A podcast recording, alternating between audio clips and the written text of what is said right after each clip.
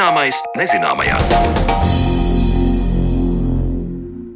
Esiet sveicināti, Sandra Kropa un zināmais nezināmajā raidījums kopā ar jums, lai šodien parunātu par Latvijas vēstures mītu sērijas grāmatā iznākušo stāstu, kurā šoreiz Žurnālists Māris Zanders sarunājas ar vēsturnieku Andru Levānu par šķietami zināmu un tomēr mazpētītu Livoniju. Vai kristietības ienākšana tālēk Latvijas teritorijā nāca ar vardarbību, tumsonību un ekonomisko stagnāciju, un kāpēc radies mīts par senlatviešu karaļiem un valstīm, par to visu jau pavisam drīz stāstīsim studijām, bet līdz tam iepazīsim rakstām rīkus senatnē.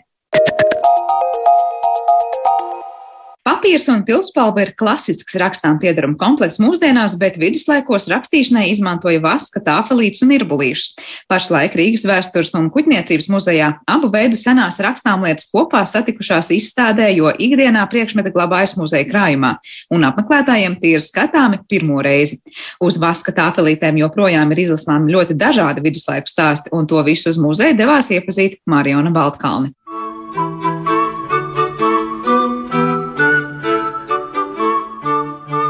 Iepazīt Rīgu no rakstniecības skatu punkta. Šī ir iespēja, ko vēl tuvākos mēnešus piedāvā Rīgas vēstures un kuģniecības muzejs, interesantus aicinot aplūkot izstādi viduslaiku Rīgas rakstām lietas. Senāk rakstīšanai izmantotās vaska tāfelītes un irbulīši, dēvēti par stiliem, ikdienā glabājas muzeja krājumā. Uz sarunu tiekos ar muzeja krājuma glabātāju Antiju Erdmani Hermani, un viņa stāsta, ka izstāde aptver laiku no 14. gadsimta, bet, ja runājam par stiliem, tad tas ir 15. un 16. gadsimts. Izstādē redzami 50 stili, kas visi atrasti Rīgā vairāku gadu arheoloģiskajos izrakumos, daudzi no tiem atrasti Doma dārzā, bet vaska tāfelīšu saistībā jāmin kāds nozīmīgs fakts. 2021. gada 13. novembrī apritēja 125 gadi kopš tāfelītes nonākušas muzejā un attiecīgi veikts ieraksts muzeja grāmatā. Izstādes publiskajā informācijā atrodams teikums, ka Rīgas vēstures un senatnes pētītāju biedrības kolekciju glabātājs Antons Buholts muzejam dāvinājis trīs koka dēlīšus ar piecām vaska tāfelītēm, kas pirkti 1880. gadā no galma padomnieka Karla von Šmita atstātā mantojuma bet aiz šī viena teikuma ir aizberga neredzamā daļa, jeb centieni noskaidrot, kas tad bijis Karls von Šmits. Interesanta personība, viņš pabijis arī Rīgā un veicis dažādus amata pienākumus. Bet Antijai Erdmanai Hermanai jautāju par vaska tāfelīšu kā rakstāmā materiāla iespējamām priekšrocībām. Kā zināms, var rakstīt uz papīra, pergamenta, bērza tārs un citiem materiāliem. Nu, priekšrocības droši vien bija tas, ka šīs vaska tāfelītes bija vienmēr pie rokas, varēja būt nelielas, tie bija blociņi, ko izmantoja. Viņam nevajadzēja kā pergamentam, teiksim, izklāties, spalvu, tušu, jātinti un tā.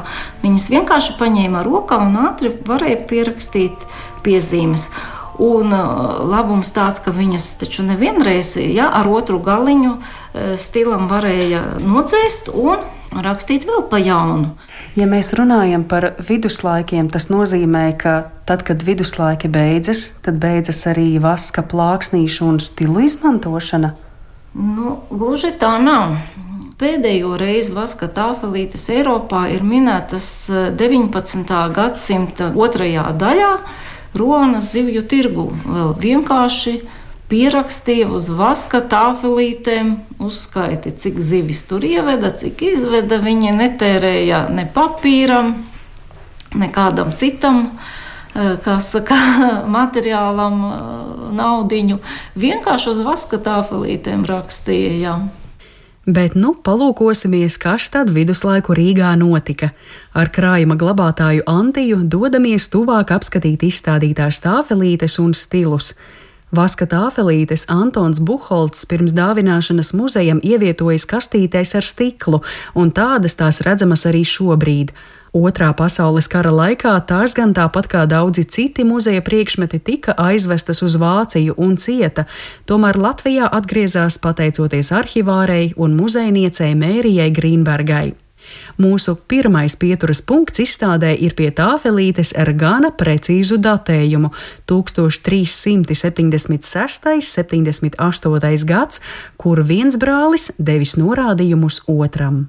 Pirmajā mums ir Rīgas arhibīskapa 4. no centenes norādījumi brālim Friedriham par Vulfeshāgenes īpašumiem Pomerānijā. Šodien ir 2022. gads, un tas bija Viduslaiki. 14. gadsimts, bet eh, rekur mums ir fotografija 1935. gada. Šīs pašas tāfelītes. Tātad viņas droši vien kā vedot uz Vāciju, turpat pakaļ ir drusku cietušas. Nopirktas viņas bija no Karla von Šmita labākā kvalitāte. Bet eh, tas, kas uz viņām bija uzrakstīts, mēs izstādes apmeklētājiem piedāvājam pašam būt ekspertam. Te ir uzrakstīts latīņu valodā katra rindiņa, un mūsu divu pētnieku, Nikolaja Buša un Roberta Malvesa, labākais eh, tulkojums latviešu valodā. Tad var vienkārši pats likt kopā pēc šīm rindiņām. Jā, notikumus, jā mm -hmm. pats likt kopā notikumus. Norādījums par brālim Friedriham uzdotiem darbiem. Tas varbūt ir kaut kāds virsraksts. Jā? Tas ir, nu, jā, tas ir tā kā norādījumu teksts, kas pierakstīts. Un, ja kāds romāna rakstnieks atnāktu uz izstādi, viņam noteikti būtu daudz materiāls, lai viņš te pats stāvot, palūkotos pa logu un sajustu, kā Jānis IV no Cintenes iet, un viņa soļi šeit pat pa šo pašu granti, kas tepat mums aiz loga, un viņš izsauc brāli Friedrihu un dot viņam šos uzdevumus. Droši vien, ka pēc maniem priekšstatiem tas varēja būt pavasarī, tad, kad e, sākās kuģošana no Livonijas uz Vāciju, un droši vien, ka uz rudens pusi brālis Friedrichs brauc arī atpakaļ. Jo viņam jau daudz darba. Daudz darba ir sadota daudz uzdevumu. Jā, jā. jā. Bet realitātē tas viss ir sarakstīts uz tādas mazas, mazas, cik mēs varam izmērā novērtēt. Tie ir septiņi reizes pieci centimetri. Nu, seši reizes četri kaut kur tā mēram tā iet.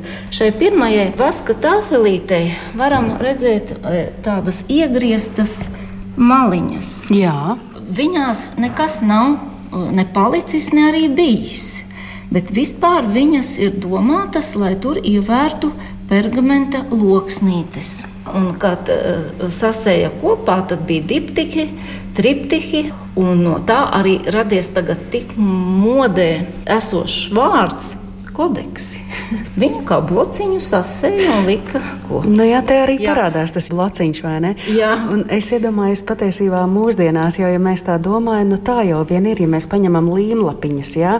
Tās līmlapiņas jau aptuveni arī lielākas, mazākas, dažas ir tikpat liela izmēra, un tur, ja ar sīkiem burtiņiem saraksta, nu tādus uzdevumus arī var iedot. Jā, tieši nu, tā, tā arī tieši ir. tā, tas tam arī bija, tāpēc mm. viņas arī ir maz saglabājušās.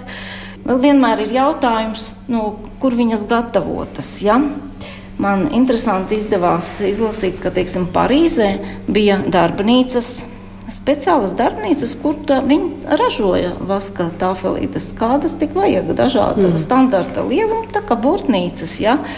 Bet nav izslēgts, ka viņas arī pēc tām startiem tikpat labi arī Rīgā gatavoja.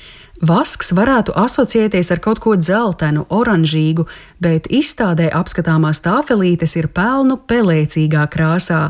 Rīgas tāfelīšu sastāva recepte varētu būt līdzīga Vācijā analizētām tāfelītēm, kuru sastāvā ietverts gan bišu vasks, gan sveķu piķa maisījums, gan kvēpi, kas piešķīruši melno krāsu. 19. gadsimtā muzejs gan krājumā saņēmis zaļganas tāfelītes, tātad vasks kā dabīgs materiāls mainījis savu nokrāsu. Bet par nozīmīgiem vēstures notikumiem citā tāfelītē turpina Antija Erdmane Hermane. Vēl pie tās pašas ir otrs, kas ir ziņots par Hanzas kaujām Jā, kungs ziņoja, ka kungi Valdemārs, tātad Dānijas karalis Valdemārs IV. atradāks kaujās ar Hanzu, kur Rīgas iedzīvotāji ņēma dalību sakarā ar Hanzas lēmumu, ka Rīgai arī jāpiedalās. Lūk, un tad arī šeit ir atšifrējumi, un te ir vārds e, tātad kreisajā, apakšējā stūrītī, ja ir vārds rīdzinieki vispār. ja? Rīdzinieki gāja bojā. Jā, un šis regensis vārds ir redzams, ja mēs paskatāmies ekrānā, kur ir palielināts. Var redzēt arī vārdu regensis, jā, rīdzinieki. Reālas personības no rīdziniekiem, no lielās ģildes, kas devās kaujā, bet nākamajā tāfelī Nākamā tāfelīte ir grāmatvedības uzskaitījums par to, kam un cik daudz naudas ir izmaksāts. Izmaksas saņēmis arī vīrs vārdā Kobmanis. Viņš bija viens no tiem rīdziniekiem, kurš kritis pirms brīža pieminētajā Hanzas pilsētu kaujā ar Dānijas karali. Tur rakstīts, ka viņš ir kritis, bet te viņš vēl ir dzīves šajā vaskatā, filmē, ka viņš darbojas.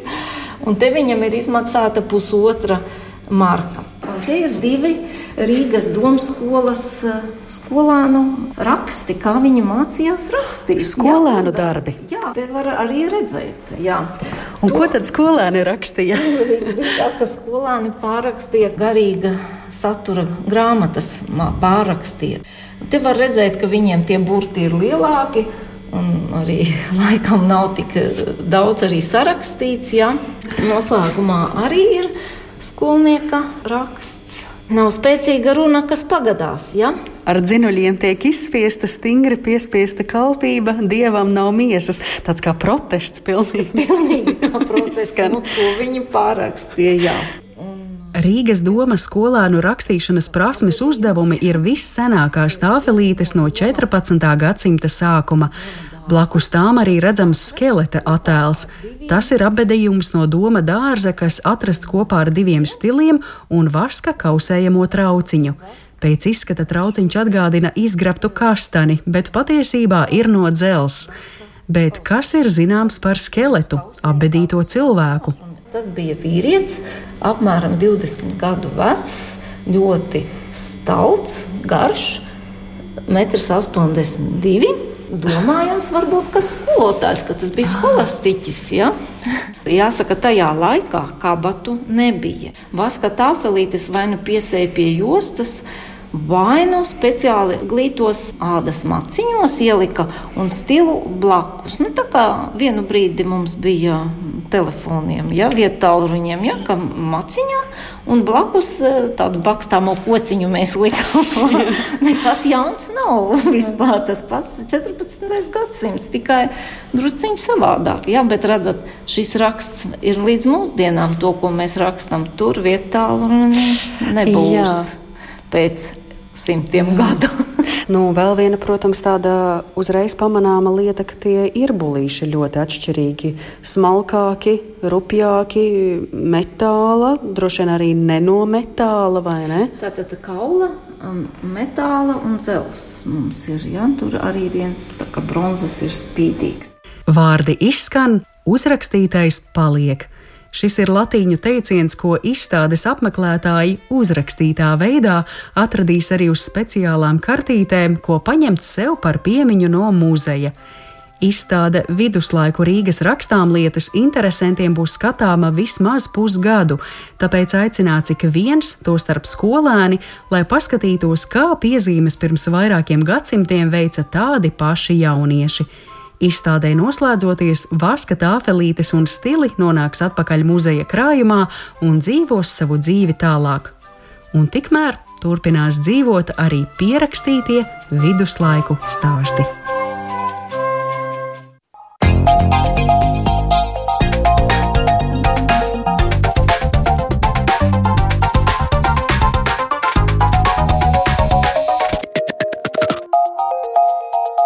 Zināmais nezināmajā. Livonija tas ir tāls ceļš atpakaļ vēsturē. Tās liecības nu jau sāk izzust Latvijas arhitektūrā, līdzīgi arī sagrozījusies un sašķobījusies mūsu kolektīva atmiņa par šo periodu Latvijas teritorijas vēsturē. Kāda Livonijas laika mīti valda sabiedrībā un kas bija un kas nebija Livonija par to visu, tad šodien mēs runāsim ar mūsu šīs dienas studijas viesi. Latvijas Universitātes vēstures un filozofijas fakultātes profesoru, grāmatas aizmirstā Livonija autoru un vēsturnieku Andru Levānu. Labdien, Andru! Labdien! Jā, nu grāmata klajā nākusi par Livoniju, un tur tiešām izklāstīti interesanti dažādi gan mīti, gan tas, kāpēc vispār mums ir svarīgi domāt mūsdienās, 21. gadsimtā par Livoniju. Es varbūt sākšu tieši ar šo jautājumu. Nu, Kāpēc ne tikai vēsturniekiem, bet sabiedrībai kopumā nu, būtu jāsaka, ka nu, Livonija tas ir, tas ir tālu pagātne no vienas puses, un tomēr kāpēc 21. gadsimta cilvēkam būtu interesanti un vajadzīgi interesēties par to, kas bija un kas nebija Livonija? Ļoti ietilpīgs jautājums. Mm, redzat, arī tajā grāmatā es to visu pat nespēju uh, izklāstīt, mm, bet, ja tā ļoti īsi un koncentrēti varētu mēģināt atbildēt uz šo jautājumu, tad tam būtu divi iemesli. Viens ir tas, ka tā vēsturiskā telpa, kas ir formējusies un ko ir formējuši dažādās paudzēs un dažādos laikos, dažādu etnisku, sociālu un tā tālāk eh, izcelsmi cilvēki un sabiedrības, tā telpa ir saglabājusies. Tas nozīmē, ka mēs, tie, kas šodien apdzīvojam Latvijas valsts eh, teritoriju, esam kaut kādā veidā šīs telpas mantinieki. Līdz ar to tas neuzliek gluži mums tādu tā pienākumu interesēties, zināt un tā tālāk, bet tomēr būtu vēlams gan interesēties, gan zināt, kas tad ir tā vieta, kur tagad veidojam mēs nu, teiksim, tā, pēc savu ģimeni un līdzības. Ko esam saņēmuši mantojumā no, Ko no esam tiem, saņēmuši? Tieši tā, un e, man liekas, ka tas ir tieši tāds ļoti trāpīgs vārds, tas mantojums. E, atcerieties, pirms kaut kāda laika bija vēl viena grāmata, kur bija tieši tas jautājums e, pašā grāmatas virsrakstā un arī fokusā ielikts par to mantojumu, kur mēs esam saņēmuši un kā mēs ar to 21. gadsimtā, kā mēs ar to apējamies. Un katram mantiniekam jau mantine, mantojums uzliek kaut kādu pienākumu. Nu, mēs varam izturēties pret to ļoti nevērīgi, bet mēs zinām, kas ar to notiks. Drīz no tā vairs nebūs palicis nekā, un kādā brīdī, kad mums būs atskārsme, ka pagaidi, bet bija taču kaut kas tāds, ko es saņēmu, un man bija pienākums, vai kā mm, varbūt vajadzēja, bet es to neizdarīju, nu vairs tā nav. Un varbūt tiešām šobrīd mēs varētu teikt, nu, tas ir tik tālu sen noticis Kāda vairs mums ar to ir uh, saikne un kāda mums ir uh, daļa par to? Es teiktu, ka tik, tik tālu jau mēs varētu sevi attaisnot un teikt, ka nu jā, mēs esam cits laikmets ar citiem ātrumiem, ar citām interesēm, ar citiem izaicinājumiem. Un mums ir svarīgākas lietas, par ko domāt. Nu, kaut vai šobrīd, kā mēs tiekam galā ar tām problēmām, tām uh, nu jā, sāpēm, kas, ko mums uzliek, nu, piemēram, pandēmija, Eh, dažādi eh, globalizācijas izaicinājumi, tāpat arī klimatiskās krīzes radīti dažādi saspīlējumi, starptautiski un tā tālāk, un tā mēs varētu bezgalīgi turpināt. Un tad tiešām Livonijai tur vairs neatliek daudz vietas. Un tomēr kāpēc tas būtu svarīgi? Un ja jūs man tagad jautājāt, un es mēģinu atbildēt uz šo jautājumu, tad es gribētu teikt, tik tālu, cik tālu mēs varam izaicināt sevi. Eh, izaicināt sevi ar tiem jautājumiem tieši par to, kāpēc man kaut kas vispār šajā dzīvē ir svarīgi.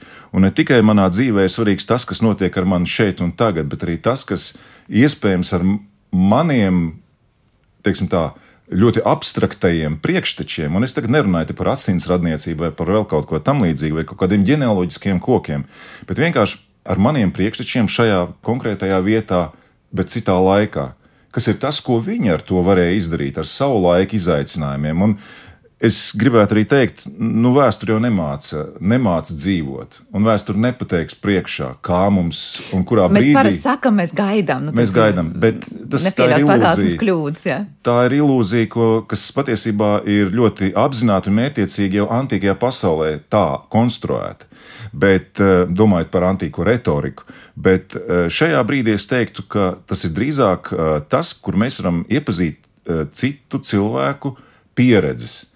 Ne jau tāpēc, lai atkārtot svešas kļūdas, vai tieši otrādi no svešām kļūdām mācītos, kā dara gudri cilvēki.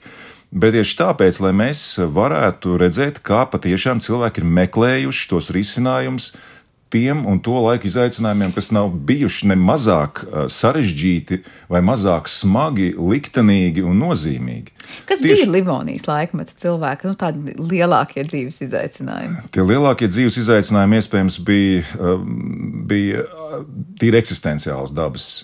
Eh, nu, kaut vai tāpēc, ja mēs padomājam, ka mm, nu, piemēram 13. gadsimta jau pats vidus mm, aizsāk eh, ar lieliem pārsteigumiem, jeb aizsāks ar lieliem pārsteigumiem priekš saviem laikbiedriem, eh, ir sācies ļoti silts laikmets, kas tālāk jau ievada tā saucamo mazo ledus laikmetu, kas sākās apmēram 14. gadsimta pirmajā pusē. Ar to ir izskaidrojums ļoti daudz, dažādas patiešām eh, eh, ļoti nopietnas klimatiskas kataklizmas, eh, kas ir saistīti arī ar pārtiks, gan ieguvi, gan, mēs teiktu, šodien ražošanu. Un, lūk, no šāda viedokļa cilvēki bija spiesti saprast, kas ar viņiem notiek, un mēģināja piemēroties šiem izaicinājumiem. Livonijā dzīvojošie vai Livoniju veidojošie cilvēki, gan tie, kas bija, kurus mēs sauktu par vietējām kultūrām, lībieši, zemgaļi, eh, kurši un tā tālāk, eh, un tāpat arī um, atnācēji.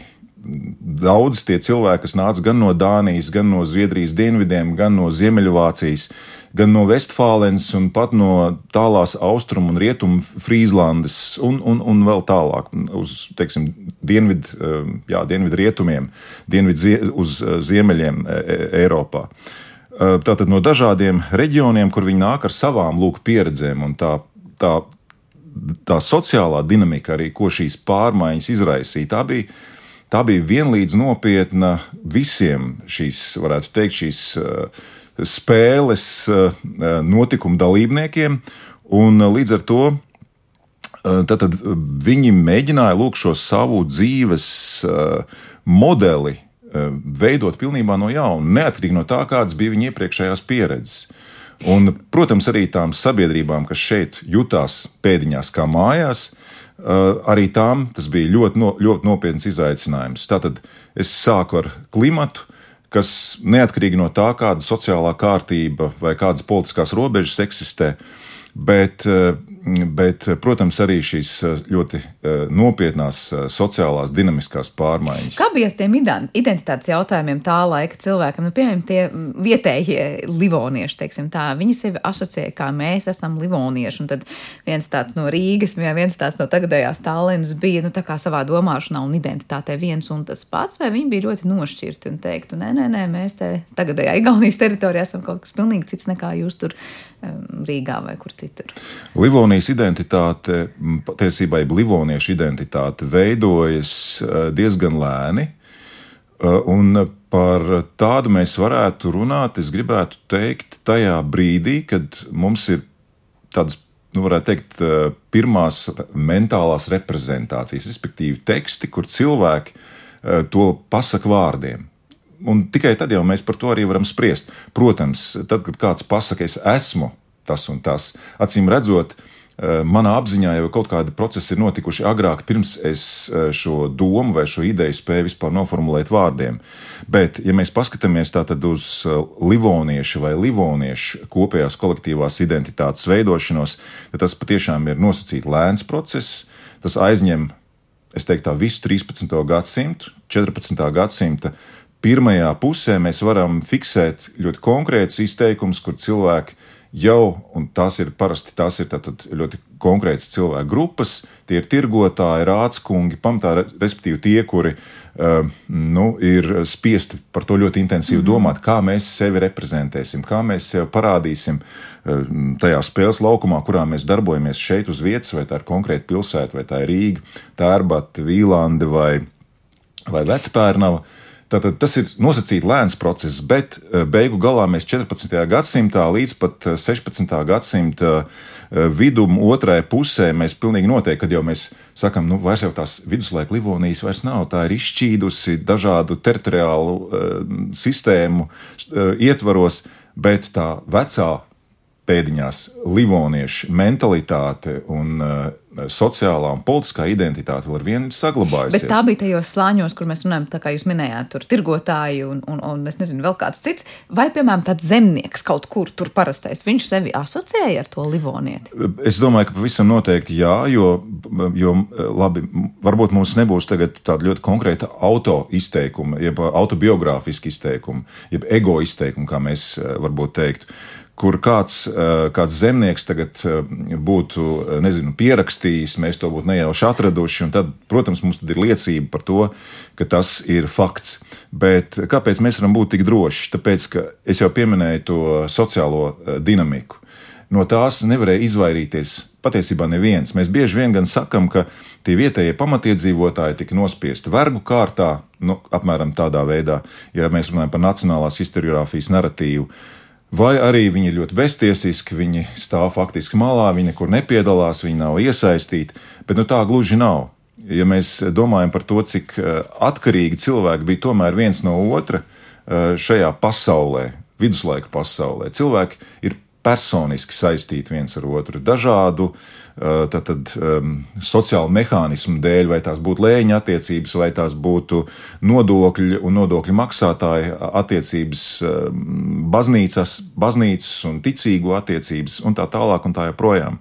Tā kā te droši vien mēs varam runāt arī par dažādiem mītiem, ja, kas apvīja mūsu, varam, bet, mūsu ja, lieka domāšanu par to, kādi bija livonieši un kas mēs, bija. Mēs esam ļoti tālu no tā, bet ja vēlreiz es gribētu atgriezties pie tā, ko domāja viens zemnieks, tad uh, Eh, protams, eh, ņemot vērā viņa iesa, iesaistīšanu un iesaistīšanos šajos procesos, ar savām konkrētajām, protams, lomām, arī viņam jau pielīp šis, um, nu, tā, šis publiskais viedoklis, šī publiskā vajadzība un tā apziņa par to, ka es esmu daļa no veselā.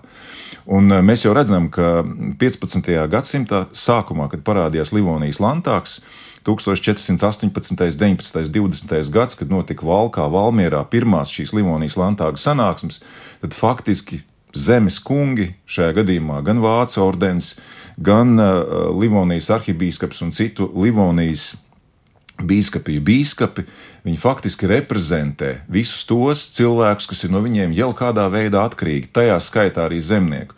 Un, uh, nu, protams, tas ir mūsu stereotips. Mēs domājam, ka nu, visi tie nabaga zemnieciņi, viņi ir tādi zemes arāņi, un viņiem ir viņi tādi pabērni, mēs to pabērnu, to lomu mēs ļoti labprāt arī uzliekam sev šodien, ja gribam izlikties par cietējiem vai vēstures cietušajiem. Tad uh, es gribētu teikt, ka šeit mums tomēr vajadzētu domāt mazliet modernāk, uh, jeb citiem vārdiem sakot, mazliet brīvāk, plašāk. Uh, un eh, nedomāt tajos, varbūt, eh, literārajos stereotipos, kas, kam literatūrā ir sava vieta. Runāt par sērdieņiem, un runāt par bāriņiem, un runāt par visiem tiem, kur, kur kaut kādā veidā ir nonākuši tajā dzīves renstelē vai tajā dzīves nomalē. Un atgriežoties pie tā, pie viduslaika pasaules, viduslaika pasaule ir ļoti integrēta un saslēgta sevī. Tas ir eksistenciāli svarīgi. Tie nav Viens noslēgti individs... tumšie laiki, tur patiesībā ir ļoti globalizēti laiki. Jā, tie ir ļoti globalizēti, un to mēs redzam pēc tiem procesiem, kas, kas pārkāpj un liek pārkāpj individiem viņu, teiksim, tā šaurās, varbūt sociālās nišas ietvars, kurām viņi pieder, un arī teritoriju robežām. Droši vien par mītiem daudz mēs varam atsevišķi parunāt. Visus tāpat neizrunāsim, bet tikai izsmeļosim. Bet pirms tam es gribēju tomēr vienu aspektu vēl parunāt par to, kā jūs skaisti stāstījāt, nu, kāda bija tie tā laika viduslaika cilvēku izaicinājumi, gan sākot par klimata pārmaiņām un, un to, kas notiek apkārt. Zinot, ka Livonija bija, saprotu, pēc grāmatas lapusiem arī spriežot un tās kārtīgas svētceļojuma galamērķis ja, šajā, šajā vietā. Tad jautājums, Kāpēc tieši Livonija un kam? Un vai ir tiesa, ka tā laika cilvēki dzīvo jau tādā no ļoti apakaliptiskā sajūtā, ka tūdaļ, tūdaļ te būs pasaules gals un viņam jādodas tā savu grēku izpirkšanas kaut kādos ceļojumos? Kāda ir, varbūt mēs varam ieskatīt tā laika cilvēku nu, pasaules uztveri? Viņi bija tādi satraukti, ka tūdaļ viss beigsies un kaut kas ar savu dvēseli ir mm. jādara, un tad viņi mēģināja tajos tiešām svētceļojumos uz šejien doties. Un kāpēc šī teritorija? Jā, tas ir, tas ir ļoti interesants un diezgan maz vēl pētīts jautājums eh, tieši par svētceļojumu eh, nozīmi un par eh, viduslaiku Livoniju kā vienu no Eiropas daudzajiem mērķiem vai svētceļojumu galpunktiem. Un tas izklausās priekš mums šodien diezgan neierasti un nepierasti, bet nu, pateicoties tam, ka mums ir šīs rakstītās vēsturiskās liecības, un starp citu ne tikai rakstītās, bet arī priekšmetiskās, proti, arheoloģiski artefakti, kas par to liecina. Nu, piemēram, no alvas izlieta maza tāda plaketīte, apmēram 2,5 cm augsta, apmēram um, pusotru, 2 cm plata, kur ir redzama Svētā Marija, kas ar krūti zīda Jēzus bērnu. Un, uh, tur uz apmalītes ir rakstīts, ka tā ir svētā uh, Livonijas uh, diamāte. Uh, Citādāk mums iespējams šis mazais priekšmetiņš izliktos kā kaut kāda neliela greznuma lietiņa, kur uh, ir piešujam vai kaut kā citādāk piestiprinām pie apģērba, un mēs tam nepievērst uzmanību. Taču, starp citu, tas ir ļoti interesanti. Eh, jau 20. gadsimta sākumā, jeb 20. gadsimta pirmajā pusē, kad šie atradumi tika atrasti vairākās vietās, um, Zviedrijā un, eh, un, un Ziemeļvācijā, tad pētnieki tam pievērsa uzmanību un teica, ah, vai tas nav saistīts ar svētceļojumiem? Uh, un izteica jau pirmās hipotēzes, ka tā varētu būt bijis, ka lūk, um, Livonija, kāda īpaša vieta, varētu viduslaiku cilvēku tātad priekšstatu pasaulē būt ieņēmusi tieši tādu patu lomu un nozīmi, kā, nu, piemēram, Santiago, uh, Santiago de Compostela vai kāda cita, patiešām, vai Āhena, kāda nozīmīgas, nozīmīgas vietas Eiropā. Un tad tā pamazām, pamazām, lūk, šī ideja, šis teiksim, tā, šīs priekšmets apauga ar savu stāstu vai šie priekšmeti. Līdz tam brīdim, kad mēs, ja mēs sākam skatīties, nu kas tad ir tāds, kas būtu varējis piesaistīt cilvēkus Livonijā, kā Nevis uz Santiago doties, bet uz Livoniju. Jā, bet, bet tā tad, nu, Santiago, ja mēs iedomājamies, nu, viens Lībeks um, pilsonis vai viens, um, nezinu, teiksim, stādes pilsonis, viens nepārāk turīgs tirgotājs vai amatnieks. Uh, Nu, tas ir tāls ceļš no, no, no Lībijas vai Stādes līdz Santiago de Compostela, tie ir vairāk tūkstoši kilometri, vai ne? E, bet e, līdz Livonijai ir daudz tuvāk. Bet tad, kas ir tas izaicinājums? Kādēļ? Jo, protams, tas nozīmē, ka tajā vietā ir jābūt kādām ļoti nozīmīgām relikvijām. Tātad svēto relikvijām. Un, ja mēs paskatāmies uz uh, viduslaiku Livoniju, tad mēs redzam, ka, piemēram, Rīgā uh, Doma baznīcā ir bijušas deponētas eh, diezgan daudz ļoti nozīmīgas, eh, patiešām ļoti nozīmīgas relikvijas. Viena no tām ir svētā krusta vai svētā koka, eh, respektīvi tā paša krusta, pie kura tika piesists Jēzus, um, skaida. Ir bijušas svēto asiņu, nu, respektīvi tās asinis, kuras uztvēra pēc tam no viņa sānos cirstās brūces, un kas pēc tam tika uh, kā noslēptas, un tad uh, mums dažādu nezināmu ceļu rezultātā sadalītas un nonākušas dažādās pasaules vietās. Uh, nu, viena ļoti uh, tāda droša vieta, kur varēja iegūt dažādas vērtīgas relikvijas, tā bija, protams, tā bija, tā bija Konstantinopola.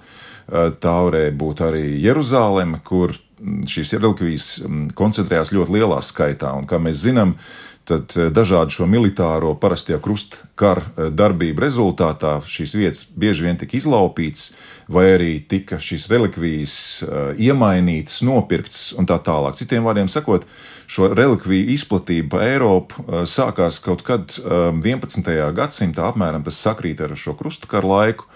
Daudzas no relikvijām, protams, ņemot vērā to, ka tām tika pierakstīts dažādas eh, īpašības, kas, protams, dara brīnumus, tie ir dievišķi brīnumi. Tā ir tā hierofānija, ko cilvēks, eh, tā, šī dievišķā klātbūtne, ko viņš piedzīvo un pārdzīvo, saskaroties ar šo svētumu. Bet tas arī bija labs veikals. Nu, neslēpsim to. Tas nozīmē, ka tie cilvēki, kur nāca uz šīm vietām, pie šīm relikvijām, ziedoja naudu, un tie bija labi ienākumi baznīcām. Un līdz ar to mēs redzam, ka Šādā veidā koncentrējot arī Livonijā un tā svētā diamāta, kas zīda to bērnu, tā ir uh, Doma baznīcas, jeb respektīvi arī visas Livonijas patrones svētā Marija. Katrā ziņā viņi bija tas spēcīgākais pievilkšanas punkts tiem svētceļniekiem. Jo, ja tu cilvēki gribēji kaut kur patiešām piedzīvot to svētās Marijas brīnumu, nu tad dodies uz Livoniju. Tas bija tuvākais. Ja? Tas bija Bet tuvākais, tas izdevīgi jā. bija tirgotājiem, baznīcai, es nezinu, kam vēl, lai tie cilvēki nu, dotos Livonijas virzienā. Nu, protams, tas ir, tā ir, varētu teikt, tāda strateģiskā komunikācija, jā, baznīcas strateģiskā komunikācija, jo tie bija līdzekļi, ar kuriem, protams, varēja baznīcu kā celtni. Nu, tā, ne tikai remontēt, bet arī modernizēt, to turpināt, izbūvēt. Tie bija ieņēmumi, lai varētu baznīca funkcionēt kā institūcija, viens no ieņēmuma avotiem, nevienīgais. Protams, šo naudu varēja likt lietā vēl citos veidos. Bet, protams, no svētceļnieku klātbūtnes, ja mēs domājam šodien, nu, ko, kādu labumu pilsētai nes turisms. Nu, tad, tad iegūst ne tikai tās vietas, konkrēti, kuras turists apmeklē, bet, nu, kā mēs visi zinām, pārējie, visi pārējie. Un beigu galā, lūk, arī šo svētceļnieku klātbūtne, jebkurā tajā vietā, kur viņi nonāca, tas, varētu teikt, deva savu ieguldījumu infrastruktūrai. Respektīvi, ieguva visi tie, kuri pārdeva gan to, kas ir cilvēkam nepieciešams, kā ēdamais, kā dzeramais, kā guļvieta un viss pārējais. Ar svētceļniekiem gan bija viena ļoti interesanta lieta. Viduslaikos svētceļnieks bija jābaro pavelti un jāgūda pavelti. No viņa nedrīkstēja prasīt, varētu teikt, neko, kas varētu viņam jau kādā veidā apgrūtināt šo savas dievbijības apliecināšanas ceļu. Taču, protams, arī šiem cilvēkiem, kuri palīdzēja šim svētceļniekam, un tomēr, ja viņi arī pamanījās kaut ko gan pirkt, gan pārdot, tad viņi piedalījās šajā dievbijības apliecinājumā. Un, eh, nu, lūk, ja mēs šādi uz šo paskatāmies, un paskatāmies arī pasakojam līdz tām eh, fiksācijām, tekstuālajām fiksācijām, tad mēs redzam, ka to eh, svētceļnieku klātbūtni sākot no apmēram 13. gadsimta vidus, kur devās uz viduslaiku Livoniju, nu, mēs esam diezgan droši. Eh, ka tie ir cilvēki, kas lūk šo dievbijības uh, apliecinājumu, brīnumu piedzīvojumu, meklējumos, meklējumos un, un, un šī brīnuma vadīt. Bet ir vēl viens moments. Līdzīgi kā viens krusta karotājs, kurš ieguva, varētu teikt, šo visu grēku piedošanu, ja viņš piedalījās krusta karā, līdzīgi jau ir tā ir ar vienu svētceļnieku, kas pēc būtības ir tieši savā statusā, viņi ir Viņi ir, viņi, ir, viņi ir ļoti līdzīgi. Gan viens cilvēks, kurš dodas ar, ar, ar, ar zobenu ceļā, un viens, kurš dodas ar, ar, ar svētceļnieku somu ceļā, jeb ar svētceļnieku kuli. Tad, um, tad abi viņi ir līdzīgi, taču varētu teikt, tas viņu mērķis ir cits. Mērķis ir cits, tik tālu, cik tālu viņi sevi apliecina šī mērķa īstenošanā. Nu, tad, viens aizsargājot kristiešus un kristiešu īpašumus ar ieroci rokā, otrs tikai un vienīgi lūdzoties, jo viņa mērķis nav cilāt zobenu. Kaut gan mēs nekādā gadījumā nevaram tagad būt simtprocentīgi droši, nu, ko tad īsti darīja tas svētceļnieks. Varbūt viņš spiegoja, varbūt viņš izplatīja baumas Tad, kas ir vēl eh, bez tā, ka viņš apliecinās kā dievbijības ehm, nu, paraugs un nožēlo savus grēkus, kuri ir viņam sakrājušies viņa iepriekšējā dzīvē, līdz tam, kamēr viņš ir kļuvis par svētceļnieku. To mēs neuzzināsim. Taču mēs zinām pilnīgi droši to, ka tas maina tajā brīdī, kad viņš kļūst par svētceļnieku un viņš atgriežas. Tas maina viņa sociālo statusu. Viņš ir svētceļnieks un pie tam uz atlikušo viņa dzīves daļu, kas, ir, kas turpinās pēc tam, kad viņš ir izpildījis šo savu svētceļnieku apsolījumu. Jā, saliekas kopā diezgan skaidri tā strateģiskā komunikācija un varbūt tiešām arī svētceļnieks ar, nu, nosauksim to kādu funkciju, ko tas varētu būt veids. Tas tiešām izklausās ļoti, ļoti, nu, interesanti un ticami. Bet mūsu raidījumā es vēl gribēju mazliet pieskarties tiem dažiem mītiem, par kuriem arī jūs runājat grāmatā, un es saprotu, nu, vienu mēs ieskicējām par to, ka tas bija tumšs un vardarbīgs un neorganizēts laiks patiesībā ļoti, ļoti sociāli aktīva dzīve notika, ja es saprotu Livonijas laikā, un, nu, nevarētu teikt, ka tie ir tie, nu, tie tumšie viduslaiki laiku, kurā nekas nenotika. Ja? Es domāju, ka tas patiešām būtu ļoti naivi domāt, ka tikai šodien eh, notiek kaut kas ļoti svarīgs un ka šodien dzīve kūsā. Nu, parasti jau saka, līdz tam bija kaut kāds uzplaukums un savukārt pagribums. Pagribums, jā, jā, jā, jā. Bet katrs cilvēks, ja katra sabiedrība par savu laiku iespējams ir izteikusies vai nu ļoti cildinoši, um, um, vai arī tieši otrādi ir savu laiku, ir, ir nopēlusi es domāju, ka viduslaiku sabiedrība ar to varbūt atšķiras, ka viņi lūk priekš tā, nu, mēs varētu teikt, šodien ir izgudrojuši vai ir izdomājuši tādu lietu kā apakalipsi. Protams, stāsts par apakalipsi ir daudz senāks nekā viduslaika, taču viduslaikos tieši šim uh, konstruktam uh, ir, vai šim priekšstatam, ja priekšstatu kopumam ir milzīga konjunktūra. Uh, ar to varēja patiešām gan savu sociālo realitāti, politiskos notikumus un daudz ko citu, kas notiks sabiedrībā, varēja kritizēt. No otras puses, tā bija arī, varētu teikt, kā savu veidu izējas meklējumi. Mēs teiktu, savu veidu escapisms. Šī ir ļoti moderna teiksim, tā, priekš tā laika kategorijām, moderni domājoša sabiedrība. Tieši tāpat tiek radīts dažādas sociālas un politiskas teorijas, kuras bieži vien ir, ir teoloģiski sakņotas un ar teoloģiskiem argumentiem pamatotas. Taču šī nav mazāk, teiksim tā, patiešām eh, moderna sabiedrība, eh, ne mazāk eh, izaicinājumus augstoša, un izaicinājums pieņemoša sabiedrība. Tātad ne mazāk kā mēs šodien. Un viņiem arī netrūkst to izaicinājumu. Es domāju, ka pavisam noteikti nē. Un ja viņi e, nepazina datoru, tad tas nenozīmē, ka viņi ir atpalikuši. Mēs tikai, protams, no savas attīstības pakāpes. E, teiksim, tā, augstumiem varam uz kādu atskatīties un teikt, nu jā, tie tumšie viduslaiki. Nu, līdzīgi kā to darīja 15. gadsimta otrās puses humanisti, kur sāka par par viduslaikiem e, izteikties nicinoši, kaut arī viņi paši vēl viduslaikos dzīvoja. Un viņi teica, nu jā, nu tas tumšais laiks, tas gotu, e, barbarisko gotu laiks, un tad viņi arī izdomāja, ka lūk, arī vienu īpašu rakstības veidu, proti, e, gotisko rakstību, viņi tad arī apzīmē kā gotisko, jo tas viņiem asociējās ar kaut ko nu, tādu arhaisku, tādu, kas ir tāds ļoti primitīvs un vienkāršs. Eh, iespējams, ka tas ir ļoti normāls eh, vienas sabiedrības, kura mēģina atkal jau no jauna pieaugt, eh, kā bērni, kuri saka, nu, tas, kas notika ar maniem vecākiem, nu, tas ir kaut kas tāds, ziniet, vēh, ja? savukārt es, caur to, ka es patiesībā sevi noliedzu šajā brīdī, Un eh, to, eh, to, to, to vietu, kur es šobrīd atrodos, to noliedzot, iespējams, ka tā, tas ir tas, kāpēc tā izaugsme ir iespējama. To darīja Rotterdams Erasmus, to darīja Adolfo Manūcijo, to darīja ļoti daudz citu Eiropas humanisti.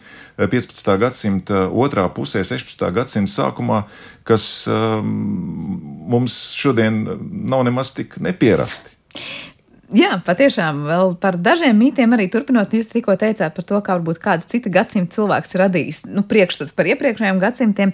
Es saprotu, ka nu, tur 19. gadsimts, 20. sākums arī ir mazliet laiks, kurā mums dzimst ideja par to, ka nu, šeit tā mūsu identitāte ir bijusi kaut kādiem valstiskiem veidojumiem, un arī pati Livonija patiesībā ir bijis valstisks veidojums, un mums vajag to piesaist tam, ka, lūk, mēs te esam bijusi nu, valstiski, ja tā var teikt, domājoši agrāk nekā patiesībā ir bijis.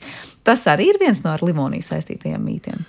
Es domāju, ka noteikti, jo, jo 19. gadsimtā um, tas bija patiešām ārkārtīgi svarīgi. Uh, nu, domājot tieši par 19. gadsimta pirmo pusi, tas bija ārkārtīgi svarīgi saprast, ko ar to Livoniju iesākt. Jo tam, protams, ir sava vēsturiski, domājot tieši par attiecīgi tagadnes uh, notikumiem 19. gadsimta pirmajā pusē.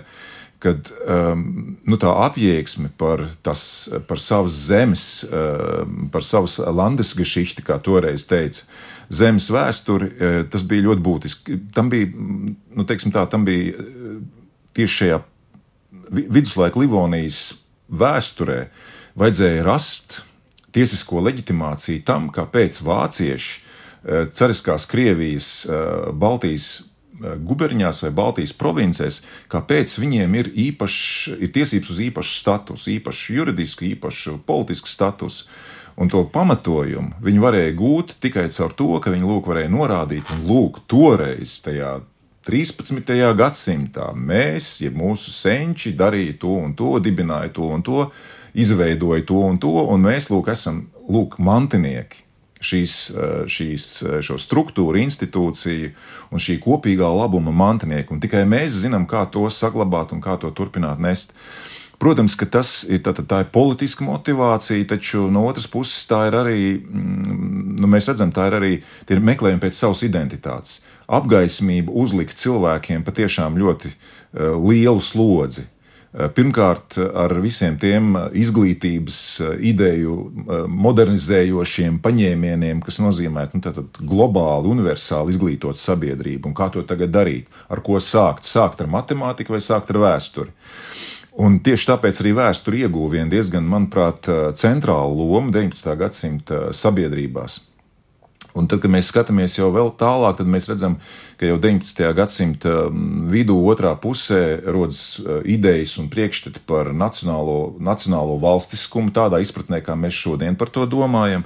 Tad līdz ar to jau ar tā viduslaika Livonija, vismaz eh, šajā reģionā, ieguva jau atkal īpašu nozīmi, kur lūk, atkal šīs pašas politiskās leģitimitātes dēļ tam pievērst tieši Baltijas vācieši pastiprināt nozīmi. Un lūk, tad arī latvieši, kuri lūk, šīs, šajā straumē esot, tika emancipēti, modernizēti, darīja to paši, un, protams, arī ar, gan ar Baltijas vāciešu, gan, gan Krievu un, un, un, un, un citu, teiksim tā, etniski, etnisku, varētu teikt, grupu un, un, un teiksim, tā, politisku un, un saimniecisku grupējumu palīdzību, emancipējoties arī šo apziņu ieguva un šo apziņu veidoja ar tiem pašiem instrumentiem, kā to darīja Baltijas vācieši. Un meklēja tos veidus, kā viņi var tur atrast sevi šajā viduslaika Livonijā. Un tas iespējams tas uh, atklājums priekš sevis bija diezgan varbūt tāds rezignējošs, nu, ka mēs tur esam, patiesībā mūsu vārdi tur ir tik. Tik maz pieminēti, nu kāpēc tā? Un tad ir tā apvainošanās, ja, ko mēs varam diezgan, vai tas, tas rūkums, ko mēs varam izlasīt uh, diezgan daudzos uh, publicistiskos tekstos, um, pat vai žurnālā Austrums 1880. gadi, kas iznāca Pēterburgā, pēc tam Maskavā, tad kādā brīdī kur citur, kur mēs redzam lūk, šos izmisīgos sevis uh, meklējumus tālākā pagātnē. Un tad ir ļoti interesanti, kā tas viss veidojās, kur tā Livonija no sākumā kāda pieņemta, uh, es teiktu tā, uh, piesavināta lieluma, abstrakcijas, idejas kļūst par tādu kā svešo. Un, un, un tajā brīdī notiek tāda nostāšanās blakus, kur arī, varētu teikt, tas jau ausekļa iedibinātais stāsts un, un, un, un, un Kronvalda Atta un vēl citu, ka, lūk, nu jā, tā Livonija, bet tas, kas bija pirms tās Livonijas, lūk, tie bija tie zelta laiki, līdzīgi kā Ovīdam ka viņam ir dzel, zelta, sudraba un dzelzceļa laikmets. Ja? Tad lūk, tas zelta laikmets tiem latviešiem, kurus sevi ir sākuši atrast un iespējams arī atraduši 19. gadsimta beigās, 20. gadsimta sākumā, ka lūk, viņi mēģina atgriezties pie tā. Un tad mums ir lūk viens mīts. Mīts jau ir tas, kurš mums stāsta un atgādina kaut ko par sākotni un par izcelsmi. Un tad jau arī tad tika radīts tas literārais, līdz pat paceļot to līdz pat akadēmiskam narratīvam, vēstures narratīvam, par to zelta laikmetu pirms tā, tās vāciešu atnākšanas un kristianizācijas. Jā, par šo un citiem mītiem tiešām te atsevišķi vēl būtu jārunā daudz, jo mēs daudz ko neesam paspējuši ieskicēt par to, kā ir veidojusies. Nu, jūs tikko izstāstījāt šī, šī apziņa, varbūt vai ideja par to, bet tā, cik ļoti dzīvot spējīgi patiesībā tā ir bijusi arī visus tālākos gadus. Tas arī ir atsevišķi temats vērts stāsts. Paldies, Andri, par šodienas interviju, un es atgādināšu, kā grāmatas aizmirstā Livonija autors Latvijas Universitātes filozofijas un vēstures un filozofijas fakultātes profesors un vēsturnieks Andris Levāns šodien pie mums viesojās studijā. Ar to arī raidījums ir izskanējis izskanējis, un par to teikšu paldies producentei Paulai Gulbinskai. Skaņu režijā bija Kristīna Dela, par mūziku parūpējās Girds Bišs, bet ar jums kopā bija Sandra Krapa. Visu labu!